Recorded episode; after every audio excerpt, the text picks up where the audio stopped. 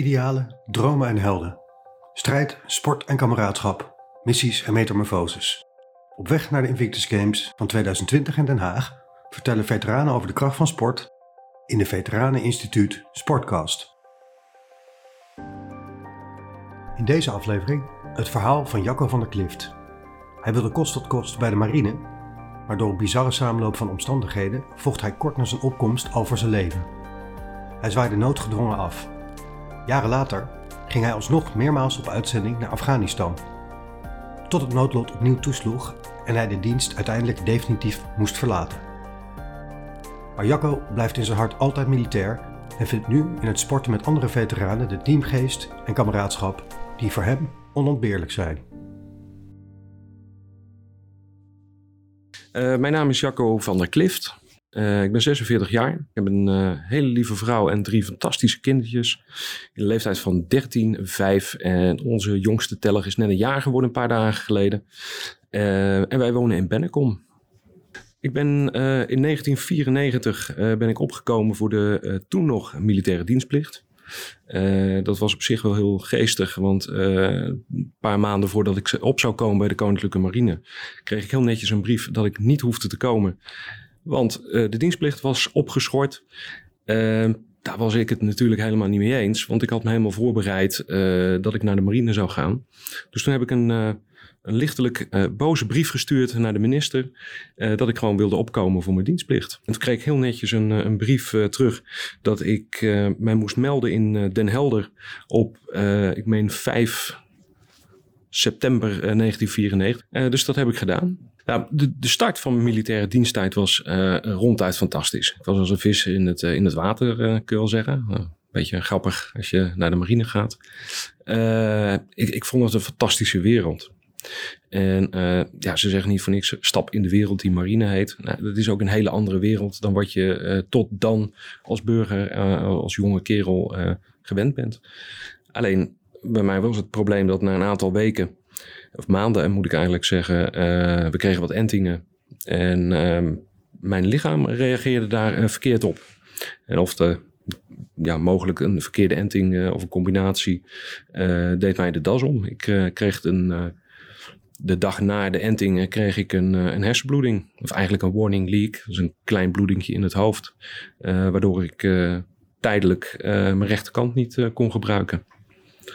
Ehm, daar werd ik in eerste instantie voor behandeld. alhoewel, ik werd behandeld voor een voorhoofdholteontsteking. Omdat de marinearts niet dacht aan het feit dat ik een, een bloeding zou kunnen hebben. ik heb daarna wel een hele tijd met een wandelstok gelopen omdat ik mijn, mijn, ja, mijn rechterbeen niet goed kon gebruiken. En de dag na het overlijden van, van mijn grootvader, uh, van der Klift, uh, zakte ik weer in elkaar. En toen bleek ik een hele zware hersenbloeding te hebben. Mijn, mijn grootvader, Agnes van der Klift, was in de Tweede Wereldoorlog, zat hij in het verzet in Wageningen, groep 8 om precies te zijn. En hij maakte in die periode natuurlijk ook dingen mee waarbij een ander mens zou zeggen van dit wordt me te gevaarlijk. Ik, ik stop ermee voor mijn veiligheid. En mijn grootvader ging gewoon door. En die wist waar hij voor vocht. Dat heeft er ook toe geresulteerd dat hij in kamp Vught uh, werd opgesloten door de Duitsers. Maar hij bleef wel doorgaan. Hij bleef zoeken naar de mogelijkheden. Niet de onmogelijkheden, maar de mogelijkheden die je geboden worden door het leven wat je leidt. En dat is ook een enorme inspiratiebron voor mij.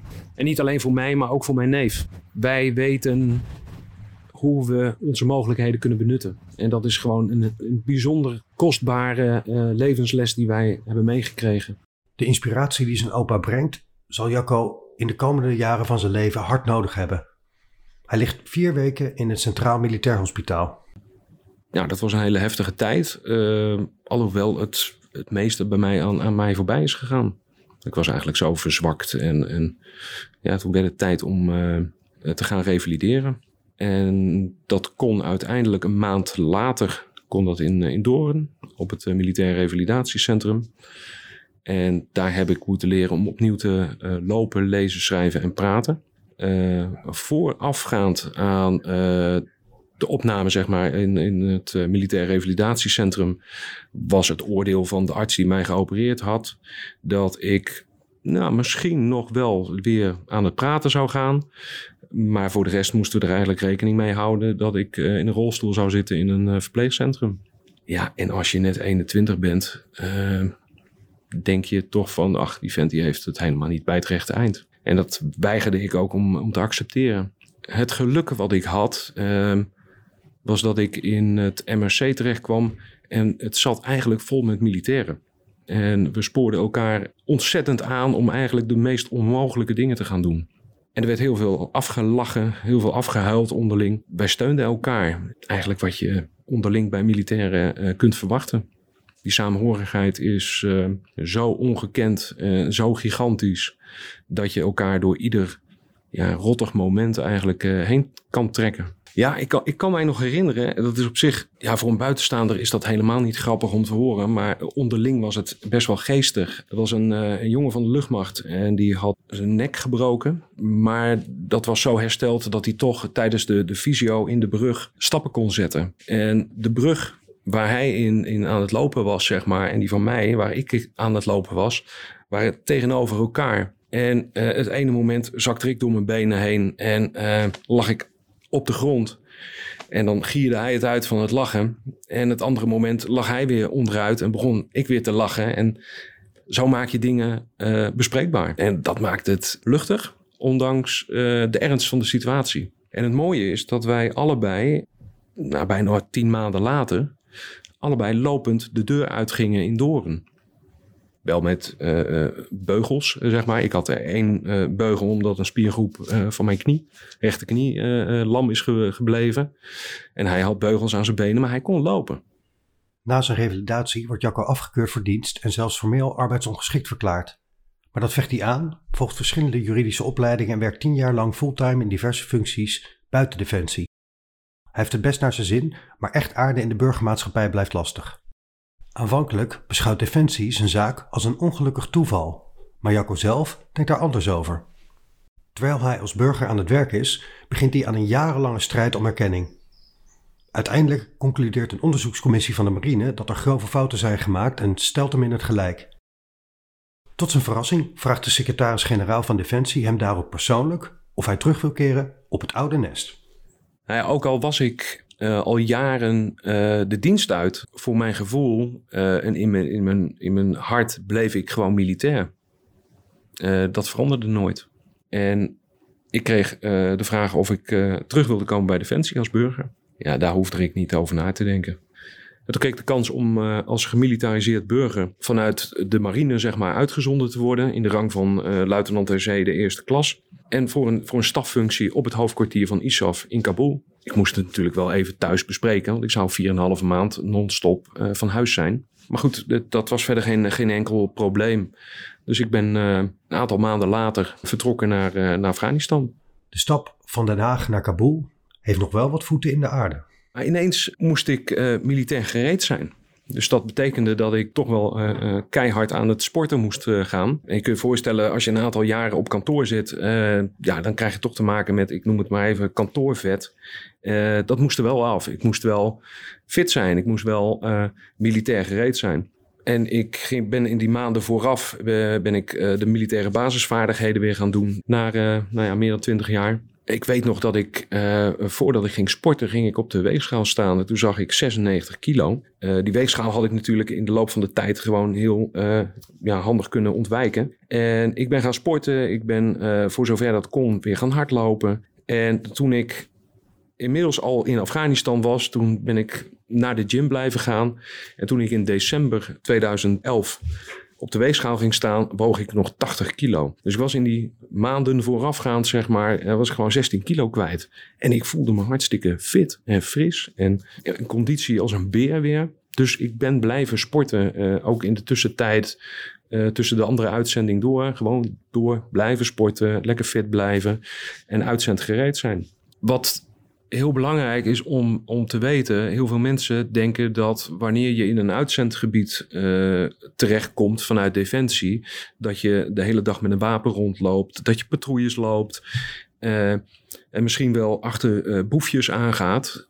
Maar dat is helemaal niet zo, want ook Nederland zendt mensen uit voor bijvoorbeeld op het gebied van vrouwenrechten. Uh, dat was natuurlijk wel een heel hot item in Afghanistan. Uh, maar ook de rechten van het kind, samenwerking met mensen van UNICEF, van American Aid, om te zorgen dat de vluchtelingen, want er zijn behoorlijke vluchtelingenkampen in de, aan de rand van Kabul, dat die mensen ook te eten krijgen en te drinken krijgen, want die leven daar onder erbarmelijke omstandigheden. Daarnaast zijn er ook functies om te zorgen dat overal uh, voldoende benzine is voor de voertuigen. Er is legio aan, uh, aan functies.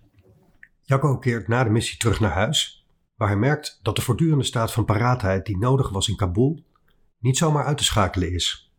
Normaal gesproken, wat heel veel va vaak voorkomt, is je verlaat het oorlogsgebied, je gaat naar Kreta, je hebt even wat dagen om nou, te, te, wennen aan uh, een normale situatie. Voor zover dat normaal kan zijn op, uh, op Kreta. Maar je kunt even afreageren, eventjes tot jezelf komen. En vervolgens ga je met een fris pak, netjes gedoucht, uh, ga je naar Eindhoven. Daar kom je aan, daar staat je familie of je vrienden, collega's om je te verwelkomen. En je gaat weer naar huis. Nou, bij mij was dat de eerste keer niet. Het was gelijk bam, terug in Nederland. Op een uh, zaterdagnacht kwam ik thuis. Dus je, gooit je spullen uit. Je gaat even douchen. En je, hebt je gezin natuurlijk even gedag gezegd. En het, het verdere praten en weer aan elkaar wennen na 4,5 maand.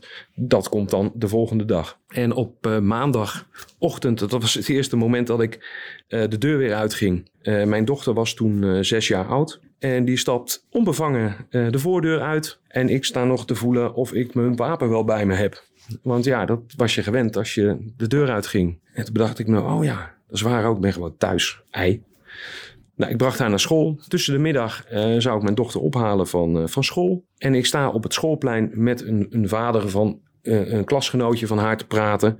En op dat moment rijden twee auto's op de straat tegen elkaar aan. En vervolgens maak ik de beweging uit te stappen en mijn wapen te pakken om te kijken wat er aan de hand is. Want ja, je wil je toch kunnen verdedigen. Uh, toen realiseerde ik me van, oh ja, ja, ja, ik ben eigenlijk nog niet helemaal thuis. Na twee weken keert Jacco terug op kantoor in Den Haag. En daar krijgt hij vrijwel direct de vraag of hij opnieuw op uitzending wil. Hij twijfelt niet. Ook het thuisfront gaat akkoord.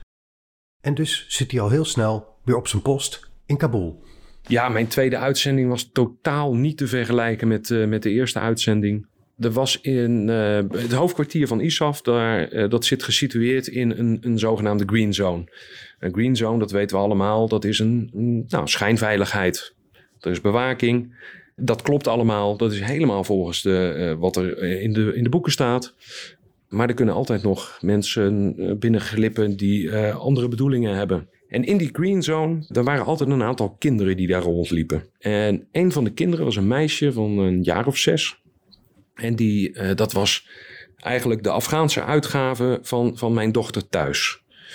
Zij het dat mijn dochter blond haar had en zij zwart haar. Maar qua uh, eerste blik uh, had het, ja, hadden het zusjes kunnen zijn. En wat gebeurde er op een dag? Er kwam een, een suicider in de green zone. Die blies zichzelf op te midden van een aantal kinderen. De kinderen die normaal gesproken binnen de green zone liepen. En uh, daar, om daar sjaaltjes te verkopen, uh, kraaltjes en prulletjes, om het zo maar te noemen. Maar die kinderen die, die verkochten daar dingen om, uh, nou ja, om ook het gezin te kunnen helpen om te kunnen eten, drinken, te kunnen leven. En nou ja, ik, ben, ik heb me omgehangen, wapen gepakt, helm op en ik ben richting de poort gegaan om te kijken van wat is er aan de hand en wat kan ik doen? Gewoon heel primair, heel basic van oké, wat is mijn aandeel hier? Ehm, ik had een goed contact met uh, de kapitein van de Macedonische bewaking van het kamp. En die leidde mij gelijk eigenlijk naar buiten om te laten zien wat er aan de hand was. Uh, het was een aanslag, een, een pittige aanslag met uh, verschillende doden. En terwijl dat ik daar sta, zie ik dat kleine meisje van zes jaar liggen. dood. dus dat was voor mij wel een eerste uh, pittig moment, zeg maar. En dat is wel vrij tekenend geweest voor, uh, voor die tweede uitzending. Na afloop van zijn tweede uitzending keert Jacco terug naar Nederland.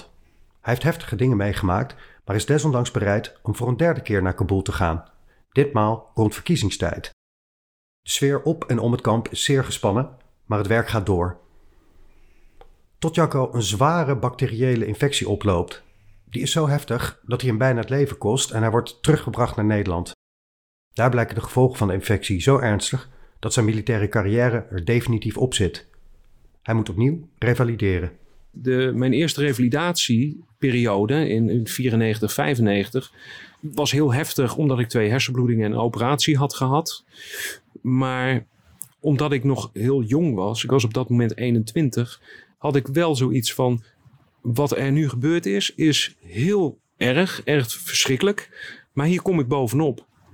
En nu ben ik uh, ja, 25 jaar verder inmiddels. En dan ga je de uh, zaken toch wat meer re uh, relativeren. Dan is je lichaam gaat dan ook andere dingen doen en kunnen dan wanneer je 21 bent. Onze zoon onze oudste zoon is, is vijf, vijf en een half. Die vindt het leuk om met zijn papa te gaan voetballen. Ja, dat zit er gewoon niet meer in. Ik kan niet meer tegen een bal trappen zoals ik dat vroeger deed. Uh, sterker nog, ik, ik kan het helemaal niet meer. De baby, die weegt uh, een stevige baby van een, goede 10 kilo. Uh, die kan ik niet makkelijk oppakken. Ik, kan hem, ik ben niet meer in staat om zelfstandig zijn pampertje te verschonen daar merk je ook in van oké, ik ben daarin beperkt. Het is niet zozeer alleen het fysieke gedeelte. Dus er wordt momenteel onderzocht of ik ook een, een PTSS heb. Daar ben ik wel heel blij mee. Uh, omdat stress, spanning, uh, onmacht eigenlijk wat ik ervaar. Dat dat zo als een boemerang terugkomt op de mensen die je dichtst bij je staan en waar je het meest van houdt. Totdat ik het moment had van zo kan het niet langer. En pak je kadaver op en, en ga ervoor. Haal eruit wat erin zit. Ga vechten voor je toekomst. Voor jezelf, voor je vrouw, voor je kinderen. Ga door. Ik moet gaan sporten. Ik moet weer uh, plezier vinden in, in het bewegen. Ga voorbij de pijn die je hebt in je lichaam. En maak er wat van.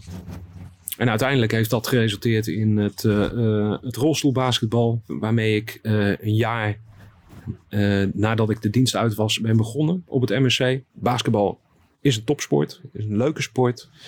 En ja, mijn benen deden toch al niet meer mee. dus waarom kan ik, zou ik het niet proberen in een rolstoel? dus dat vond ik op zich wel een hele uitdaging. En gelijk vanaf die eerste keer was ik laaiend enthousiast. Ik kon ineens met hulpmiddelen een leuke sport doen. Dus daar ben ik eigenlijk vol erin gesprongen, uh, als het ware. Dat heeft erin geresulteerd dat ik nu in het, het Nederlandse team voor de Invictus Games in het rolstoelbasketbalteam zit. En gaandeweg kwam daar een tweede sport bij. Een sport die ik eigenlijk sinds 1995 ook op hetzelfde MMC niet meer had gedaan. En dat was namelijk handboogschieten. Daar heb ik nog aardig wat hindernissen in te nemen. dat is niet iets wat je zomaar kan. Uh, maar dat is wel de tweede sport die, uh, die ik gekozen heb om mee te doen aan de Invictus Games in 2020 in Den Haag. Ik denk dat uh, ook voor ons, voor de 32 deelnemers aan de Invictus Games vanuit uh, Team Nederland, een hele mooie taak ligt om te kunnen laten zien aan andere gewond geraakte militairen dat er nog zoveel mogelijk is. En dat je uh, heel ver kunt komen door te gaan sporten. Je kunt contact opnemen met het Veteraneninstituut. Die kunnen jou verder helpen. Uh, om jezelf weer op de rit te krijgen wanneer je daar zelf niet meer toe komt. Ik heb het ook gedaan. En het heeft mij in ieder geval gebracht dat ik al een heel stuk rustiger ben. En dat kan ook de route zijn voor jou. U luisterde naar de achtste aflevering van de Veteraneninstituut Sportcast. Informatie over sporten voor veteranen en de Invictus Games vindt u in de links en wilt u meer horen? Ga dan naar www.veteraneninstituut.nl